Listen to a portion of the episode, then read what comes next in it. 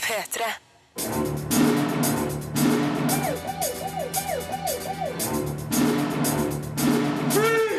Filmpolitiet! What's your name, dude? Birger Vestmo. What kind of stupid name is that? Fire nye kinofilmer skal anmeldes i dag.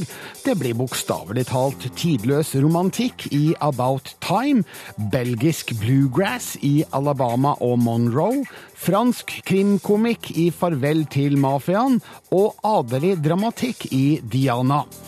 Du får òg høre om Kenny Powers Hellkoken i sesong fire av Eastbound and Down, og om sesong tre av The Walking Dead makter å holde på spenninga fra de to første. I tillegg anmeldes dataspillet Beyond Two Souls, som har Ellen Page og William Dafoe i hovedrollene. Filmpolitiet? Tim, my dear son, this is going to sound strange, but there's this family secret that the men in the family can travel in time. Richard Curtis er ansvarlig for noen av de mest sjarmerende romantiske komediene i nyere tid, som regissør og eller manusforfatter av annet Fire bryllup og en gravferd, Notting Hill og Love Actually. Hans siste, About Time, er et greit forsøk på å gjenskape gammel magi. Anstrengt bruk av tidsreisa gjør filmen iblant mer frustrerende enn sjarmerende. er like figurene på det rette, men ikke alltid det de gjør. Likevel har filmen en udiskutabel appell å vinne over til slutt. My name is Tim, this is the year that would change my life forever. Sjenerte Tim, spilt av Donald Gleeson, sliter med sitt forhold til damer. Så får han en overraskende lærdom av far sin. Alle menn i slekta har evnen til å reise i tid. Tim bruker det her til å lykkes bedre på damefronten og i livet generelt. Så møter han Mary, spilt av Rachel McAdams, og det oppstår søt musikk helt uten bruk av tidsreisa. Når han så tvinges til å reise tilbake i tid av andre årsaker, har forholdet plutselig aldri eksistert.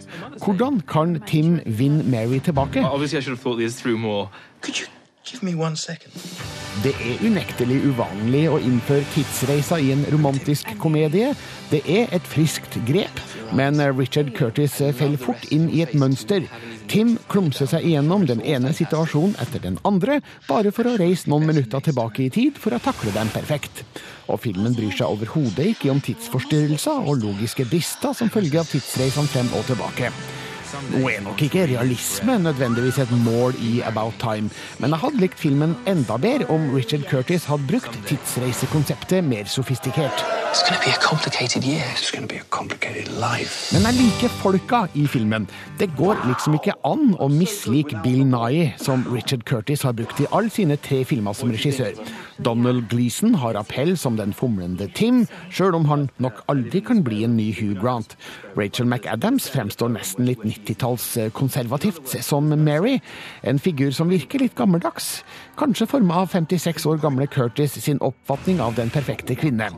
Men hun og resten av persongalleriet er uansett interessante nok til at vi ønsker dem alt vel.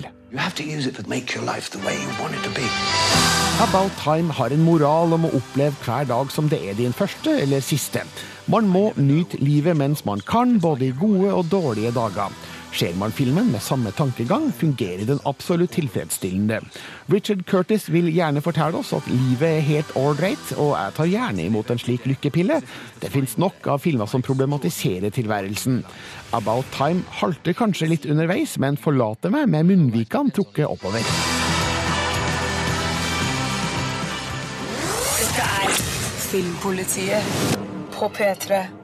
Og nå skal vi snakke om regissør Michael Bay, mannen bak Transformers, The Rock og ikke minst eh, Pearl Harbor må trekkes frem nå, fordi det kan se ut som han ønsker å lage en ny krigsfilm basert på tungtvannaksjonen på Rjukan i Norge.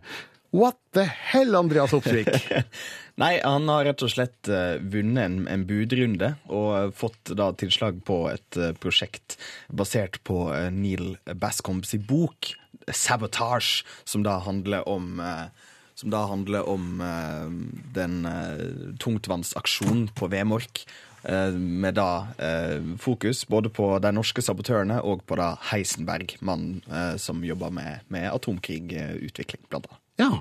Du store all verdens min tid. Hvis dette blir en realitet, eh, det er jo lang vei å gå selvfølgelig før det eventuelt blir en film, men hvis det blir noe av, hvordan tror du en Michael Bay-versjon av denne historien blir?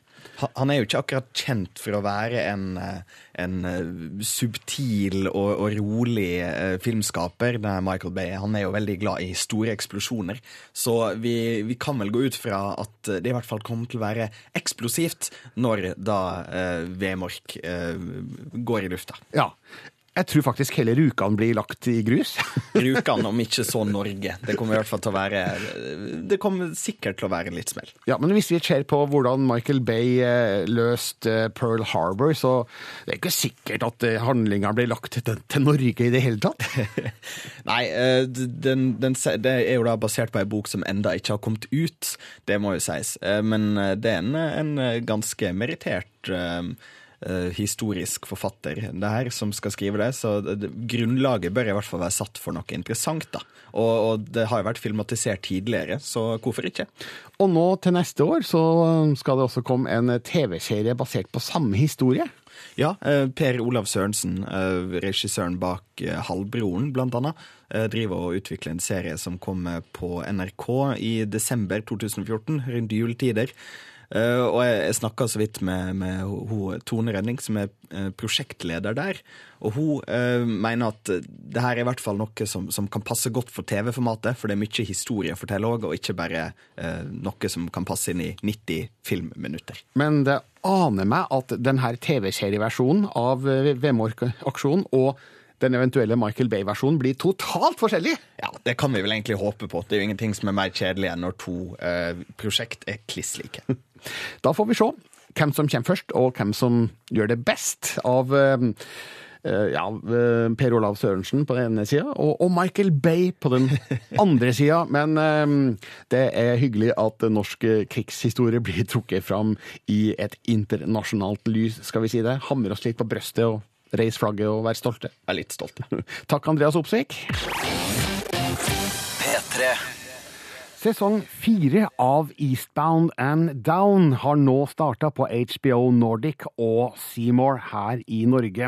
Og ja, det her kan vel karakteriseres som en kultserie, Rune Haakonsen? Kenny Powers!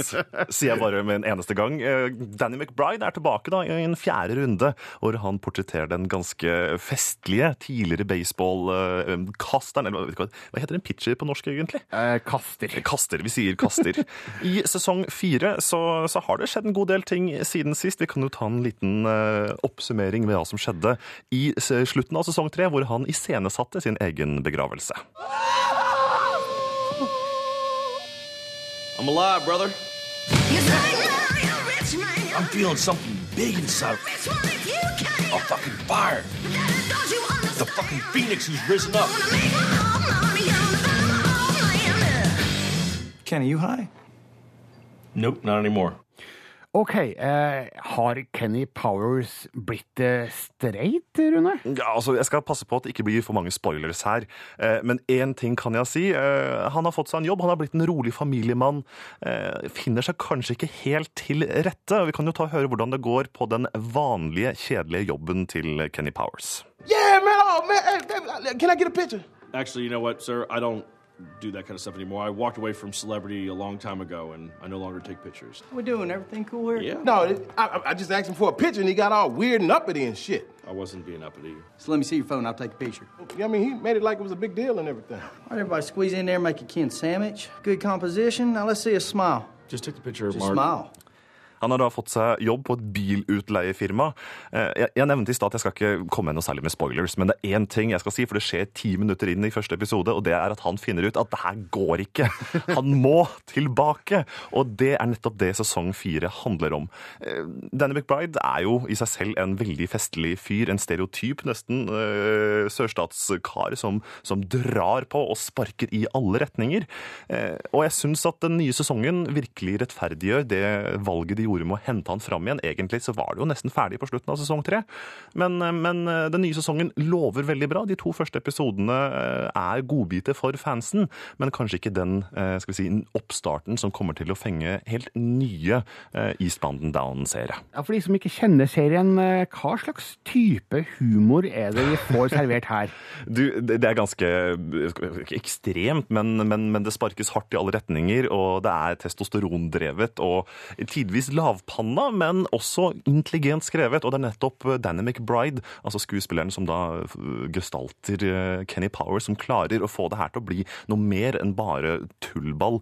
Så at eh, du må bare forvente en ganske Altså, hvis du sitter der med en, med en sixpack pils og en frossenpizza, så er det på det humornivået, og det funker for meg innimellom helt fabelaktig bra, altså. Sixpack og pizza beskriver du her også litt av seriens kjernepublikum. Eh, snakker vi menn her? Eh, Ja, unge menn er nok, eh, som meg sjøl, er nok midt i målgruppa, er nok de som eh, finner seg mest igjen. Hvis man er nysgjerrig på dette her og ikke har sett det før, så vil jeg likevel anbefale å gå helt til starten, altså første sesongen, og få med seg hele sagaen om den da ganske så legendariske eks-baseballspilleren Kenny Powers. Men eh, for tilhengerne så er det her en godbit, og jeg er i hvert fall veldig glad for at HBO plukka opp og har videreutvikla Kenny Powers og Eastbound Down i en fjerde sesong. Og det her kan altså nå sees i Norge på HBO Nordic og Seymour. Takk skal du ha, Rune. Bare hyggelig. Filmpolitiet. På P3. Widescreen på radio. Will the circle be unbroken by and by, Lord, by and by? Filmen 'Alabama og Monroe' skildrer et intenst kjærlighetsforhold, en tragisk sykdom og, litt overraskende kanskje, belgisk bluegrass. Den tar riktignok en venstresving et stykke ut i historien, og blir plutselig et merkelig angrep på George W. Bush og hans veto mot stamcelleforskning. Men jeg imponeres av skuespillernes sterke innsats og et musikalsk innhold som T-Bone Burnett ville vært stolt av. Wat ik al heel mijn leven van bezeten ben, dat is van Amerika. Dat is een land van dromers. Musikeren Didier, spilt av Johan Heldenberg, møter Elise, spilt av Verle Batens. Begge er ville sjeler på kanten av det etablerte samfunnet, og det oppstår et sterkt kjærlighetsforhold prega av kropp, sjel og musikk. Flere år seinere blir dattera Maybell, spilt av Nell Catrice, alvorlig syk, noe som setter forholdet mellom Didier og Elise på en prøve som kan vise seg å være uoverstigelig. Det er kanskje like fremmed med belgisk bluegrass som det var med norsk country i TV-serien Hjem, men det låt godt, og kan sikkert òg forsvares tematisk. Det kan hevdes at bluegrass er en så sterk og følelseslada musikksjanger at den fungerer som en feiring av livet, døden og kjærligheten, som er denne filmens kjernepunkter. Og mange av filmens fremføringer holder absolutt høy kvalitet, som får det til å svinge i kinosalen. Historien veksler mellom fortid og nåtid i tidshopp som av og til forvirrer, men samtidig skaper virkningsfulle kontraster mellom gammel lykke og fersk tristesse. Men mot slutten føler jeg at manuset er på villspor, når Didier bryter ut i en tirade mot president George W. Bush, som nedla veto mot stamcelleforskning i 2006. Johan Heldenberg har sjøl skrevet teaterstykket som filmen er basert på, og har helt sikkert et sterkt forhold til innholdet, men jeg føler han burde ha begrensa seg i denne delen. Ellers gjør Heldenberg litt av en figur som Didier, full av engasjement og lidenskap. Verle Batens imponerer òg som den ville og frie Elise, spesielt når hennes livskraft møter veggen i historiens siste fase. Alabama og Monroe er en sterk opplevelse på flere måter. Alt henger ikke like godt sammen, og noe kan oppleves som fremmedelementer, men jeg sitter igjen med et inntrykk av en film som prøver hardt, og er alt annet enn likegyldig. Dette er Filmpolitiet på P3.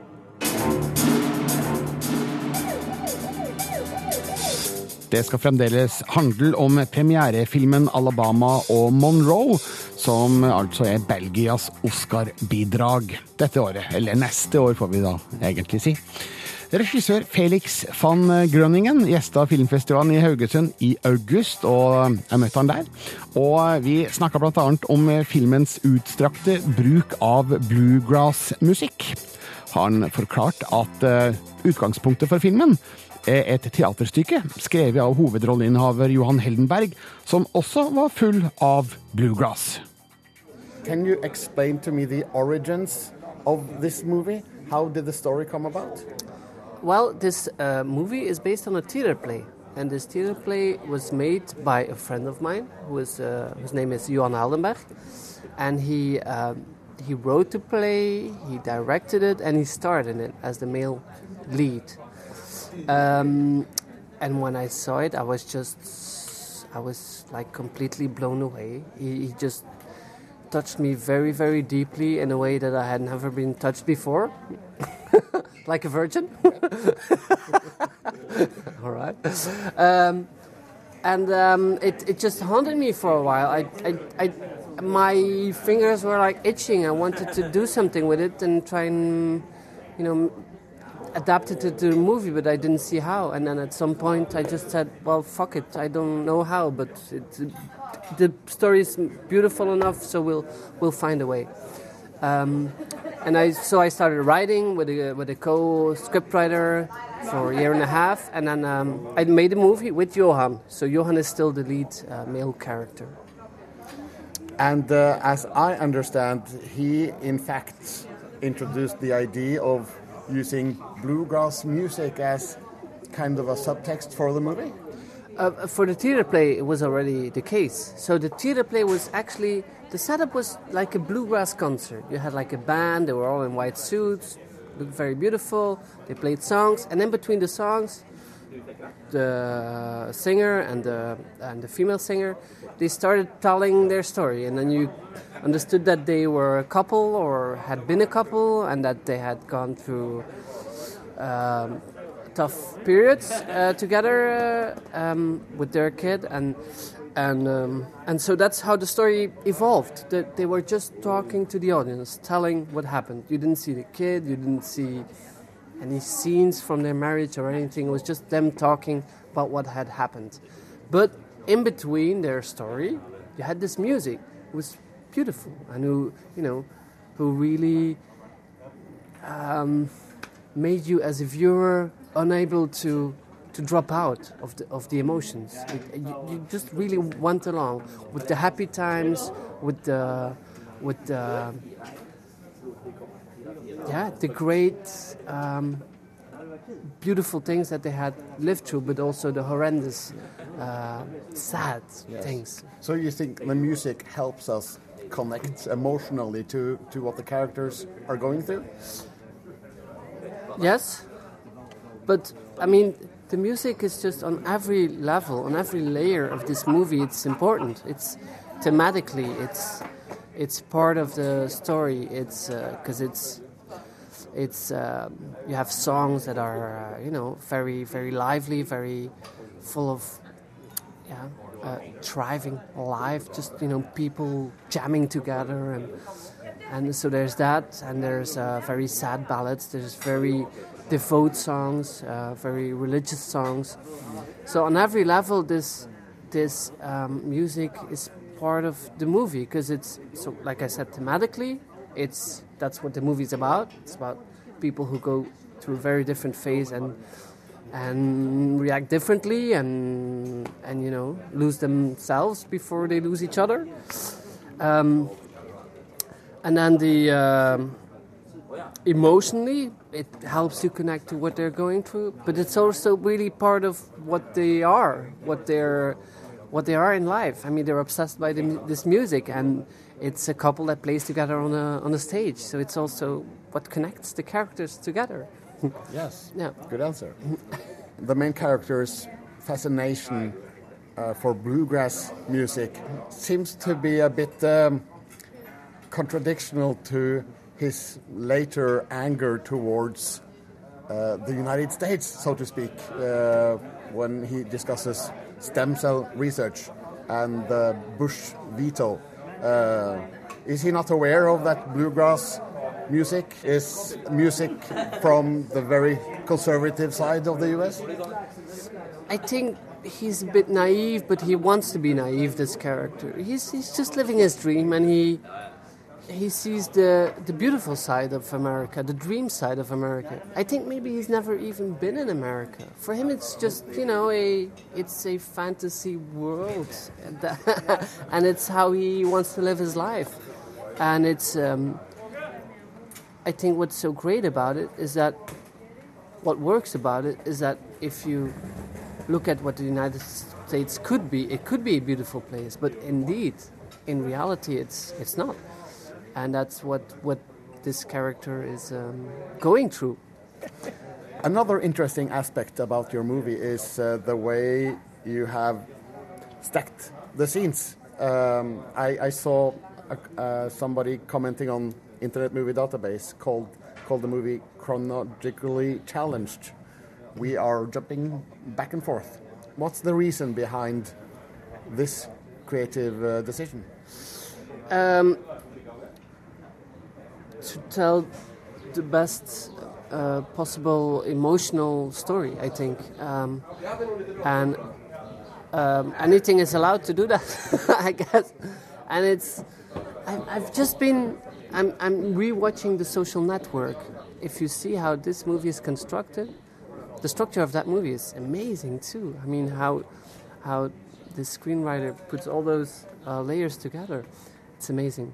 This movie, however, it wasn't. I mean, it was always the intention to do it, but the script is very different from the final movie. So during editing, we we realized that that um, following the script wasn't gonna do it. wasn't gonna um, was a bit too intellectual.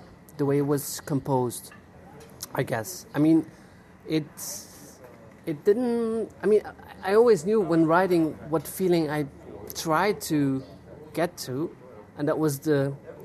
It's always. I mean, it's always the, that theater play that, and the first time I saw it, that experience that I want to, you know, put into a movie.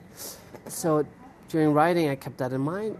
I think on paper it worked, but then we, when we saw it, it didn't work. And my editor, who's a great editor, I think, he's somebody who is also very good then in, you know, forgetting about the intellectual approach of this of this um, of this way of storytelling. So he came up with a new plan, and then it was just the first idea, and then we went for it, and we tried. We, I mean, for weeks we tried a lot of different stuff, and we were surprised ourselves a lot of times, and that's a great way to make make uh, a, film, I think, because it's it's not um, it's not rational. It's just uh, it's magical. You're, you're, you're, and, and emotional. You know, you of course sometimes you you use your brain to say, "Oh, this could work," and then when it works, it's great, and then you you you go for it. And in the end, it's the emotion that counts. so you feel your way through the editing of this movie? Yes, or you, you try to. I mean, with this particular movie, it was hard to keep on feeling the same feelings as you would the first time you see it because it's so big in emotions. So at, the end of the editing, I was kind of numb. When I saw the movie, I didn't feel anything anymore. Too. I mean, I was like, at some point, I knew like this is this is good and this is good and this is gonna work, and I felt this at that point, so it's gonna work. But I, I had seen it so many times, and it was. I mean, it's so demanding emotionally that I didn't feel anything anymore. In a way. And in the movie, uh, we see them as, as they are now, and then jump back to how they were, and we see the striking contrast.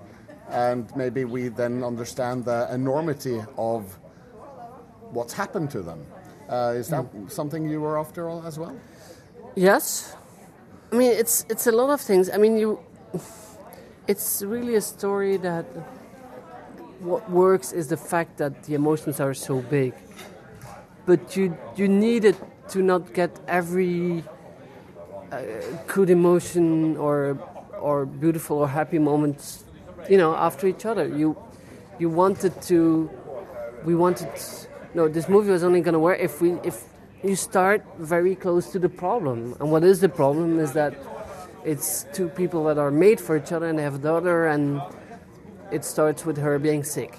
Yeah. So and it and this changes everything. And then they, you know, you want to go back to the to the moment before, or you you think about how you got there. So that was like a, basic idea. The end, the way the movie ends also is like for me. Uh, I'm not gonna elaborate because I'm gonna spoil it. I think, but it's it's also a way on how to tackle this movie. It's it is like a stream of conscious um, series of scenes um, which uh, is declared in the in, in, in the ending, but it's it's whatever works, I guess.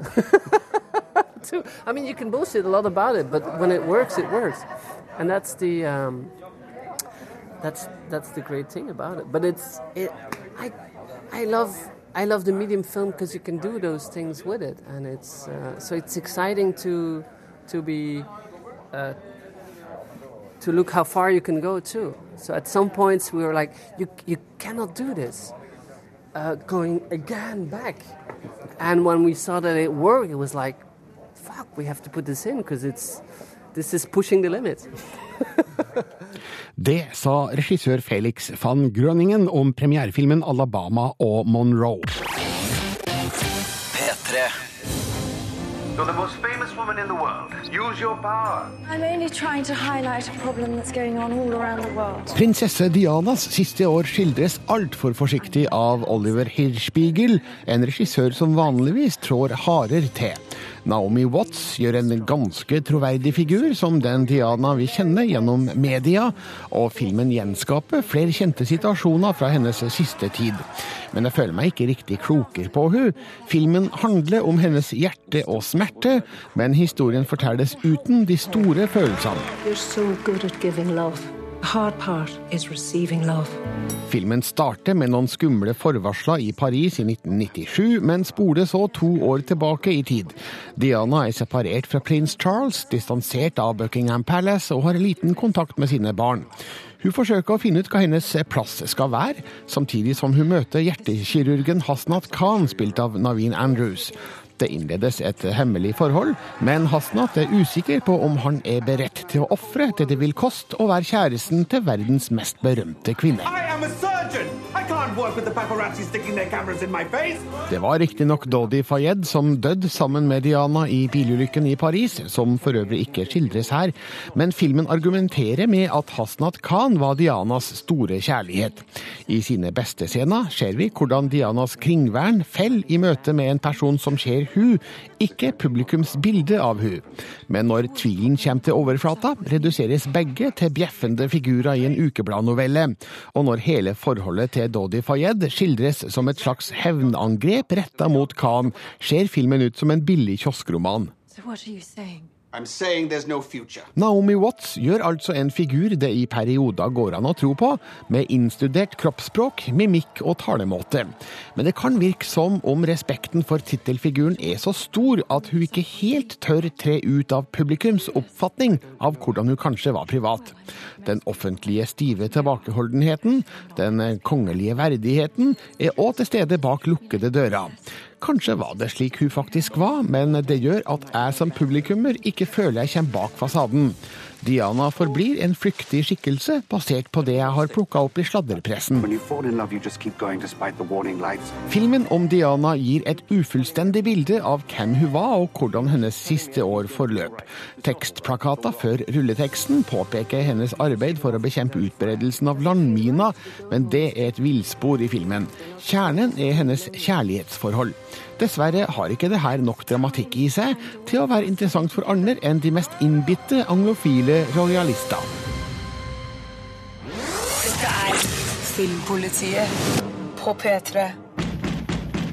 We go in, stay in formation for the suite. After that, you all know what you're supposed to look for. Stay close. There's walkers in D!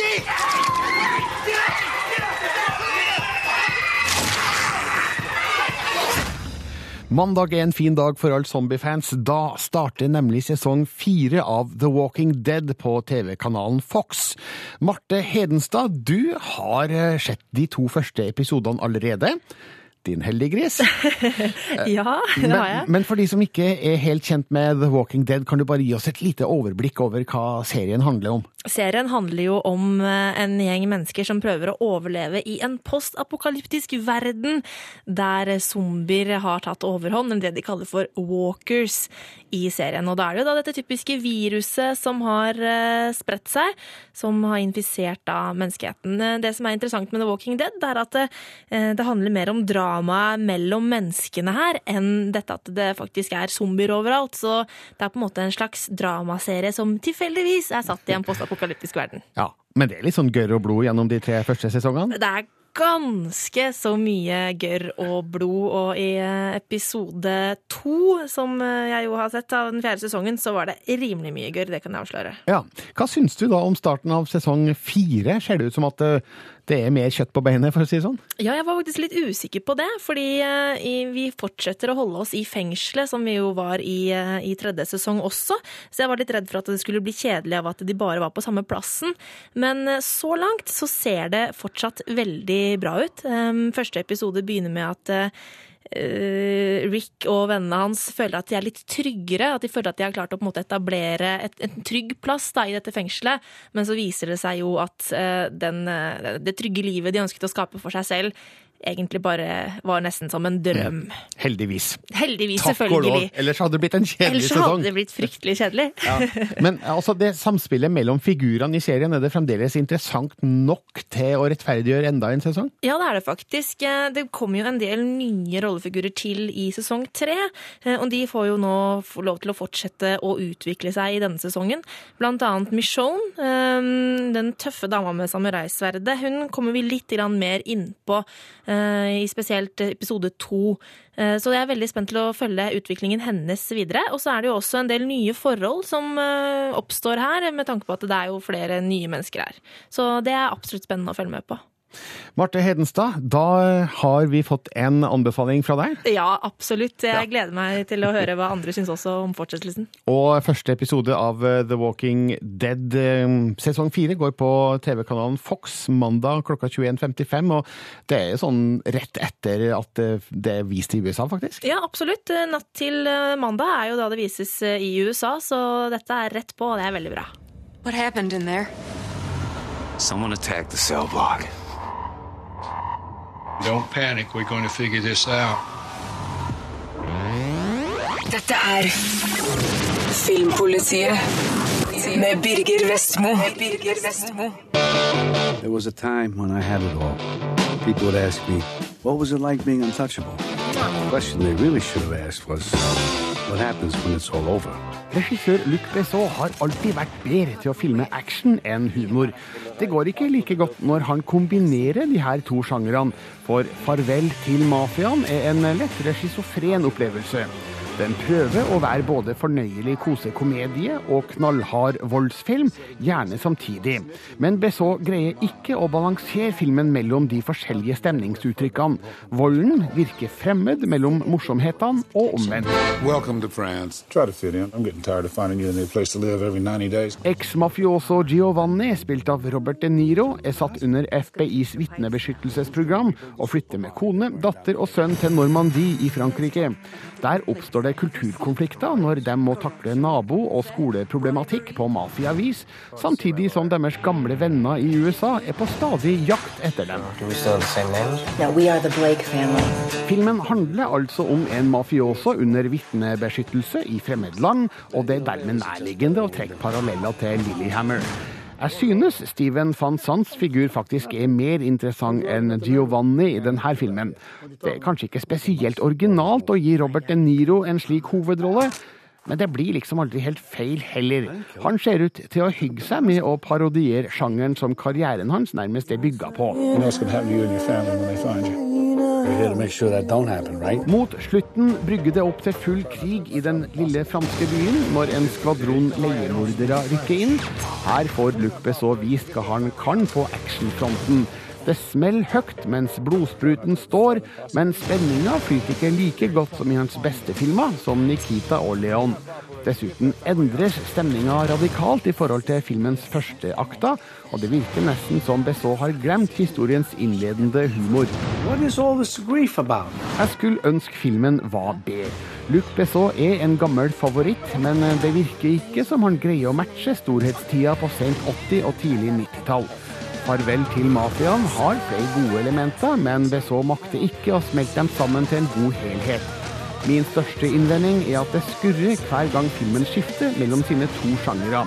Forsøket er prisverdig, men resultatet står ikke til forventningene. How was the first day? Nothing special. And I'm feeling Dette er Filmpolitiet på P3.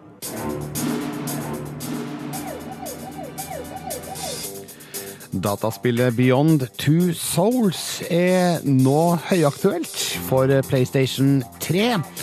Rune Haakonsen har testa det, og til tross for noen åpenbare svakheter, så holder historien han fast. I was born with a strange gift. The ability to see what no human being has ever seen before. David Cage er en av vår tids mest interessante spillskapere. Eller bør jeg kanskje si regissør? Med teknologi som verktøy har Cage skapt seg en egen nisje. Interaktive opplevelser som ligger i grenselandet mellom film og spill. I Beyond Two Souls går Cage et steg videre og henter inn store filmstjerner i hovedrollene. Men den kaotiske fremdriften i fortellingen gjør spillet sårbart, og ikke blant hans beste. This thing is your friend, and he's connected to you with some kind of. Jodie Holmes, som spillet følger fra hun er 6 til 23 år gammel, har en telepatisk forbindelse med en oversanselig skapning. De to er knyttet sammen av uforklarlige årsaker og kan kommunisere med hverandre. Aiden, som han heter, er det vi nesten kan kalle et gjenferd. En av hovedfunksjonene i spillet er at Holmes, spilt av Ellen Page, kan gå ut av sitt eget hode og se gjennom øynene til Aiden, selv om hun ikke har direkte kontroll over ham alltid. Han er en lunefull kompanjong.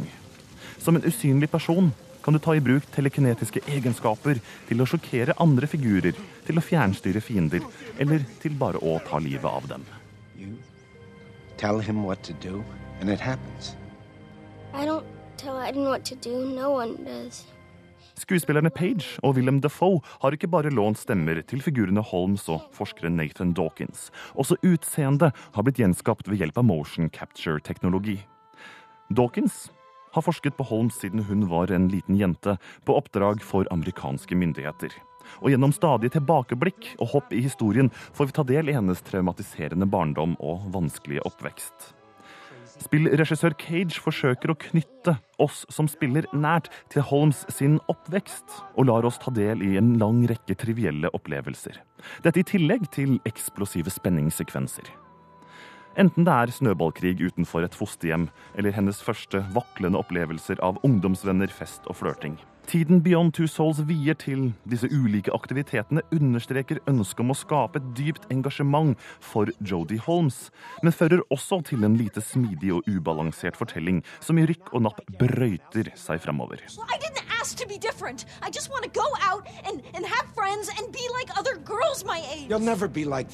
Valgfriheten spillet byr på, oppleves også som triviell og uten konsekvenser. Ulike valg endrer ikke historiens retning eller opplevelsen av de ulike sekvensene. Men det er heller ikke poenget til spillskaperen David Cage. Gjennom trivielle gjøremål forsøker han å etablere et bånd mellom spilleren og figuren på skjermen. Med Beyond Two Soul sin fragmenterte fortelling og stadige hopp mellom ulike perioder i Jodie Holmes' liv, blir ikke dette et forsterkende grep. Men bak all denne staffasjen til spillskaperen finner jeg meg stadig besnæret av historien, av Jodie Holmes og hennes mystiske, oversanselige tvilling. Og historien alene drar meg gjennom de lange sekvensene som bryter opp de spennende og drivende øyeblikkene. Det er lett å avvise David Cage og hevde at han kun ønsker å være en filmregissør, men nei. Med hvert spill dytter han grenser. Han endrer hvordan vi ser på spill som underholdning og fortellermedium. Beyond Two Souls har sine åpenbare svakheter, men med skuespillerne Ellen Page og Willem Defoe og imponerende teknologi utfordrer regissøren også denne gangen hva vi forventer av et spill. Dette er Filmpolitiet på P3. Beyond Two Souls har release i dag, og ble altså da anmeldt her av Rune Haakonsen. Du kan se, lese og kommentere anmeldelsen på p3.no filmpolitiet. Tarzan fra 1999 er en av denne ukas eh, ferske Blu-ray-nyheter, så da kan du nyte den animerte Tarzan-historien i 1080p hjemme på skjermen din eller hjemmekinoen eller hvor du nå enn vil. Men er filmen verdt å kjøpe eller lei? Ja, da har jeg altså da dukka ned i arkivet og funnet min anmeldelse fra kinopremieren, så får du svaret på det. Så her anmeldes Tarzan 1999-style.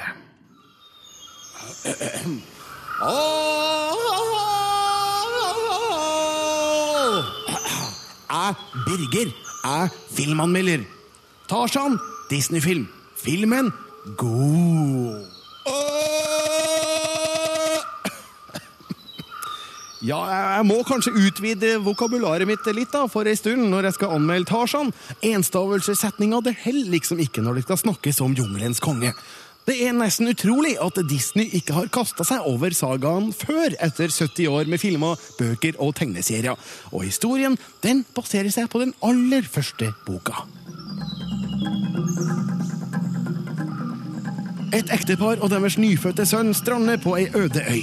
Foreldrene blir drept av en tiger, og barnet tas hånd om av en flokk gorillas. Det vokser opp til en stor, sterk ung mann som får navnet Tarzan. Men så kommer flere mennesker til øya. Tarzans interesse blir pirra, men samtidig trues gorillaflokken av slemminga blant de nyankomne. Ja, så her blir det liv. Og Disneys versjon av Tarzan er full av liv og action. Den er òg full av humor og eventyr. Jeg synes det her er Disneys beste tegnefilm siden Løvenes konge. Og tar seg ned oppdatert for dagens ungdommer med skateboard og seggebukser. Altså ikke Tarzan, men ungdommene. Eh, Tarzan segger ikke, men han svinger seg i hvert fall mellom liana, og han surfer på føttene sine nedover trestammer. Let's go surfing now, everybody's learning how. Det er klart at Disney hadde håpa på at veteran Phil Collins skulle gjøre det samme for Tarzan som veteran Elton John gjorde for Løvenes konge, nemlig å skape et par millionselgere på musikksida. Og låtene hans de er ikke elendig, men passerer så vidt godkjent. Jeg tror Phil Collins blir litt for sidrumpa for eh, dem filmen først og fremst er ment for.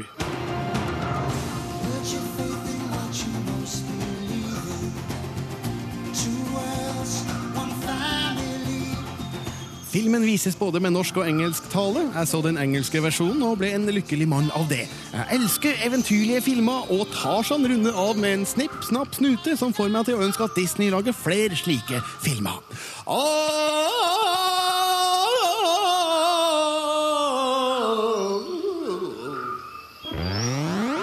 Dette er Filmpolitiet med Birger Vestmo. Birger Vestmo.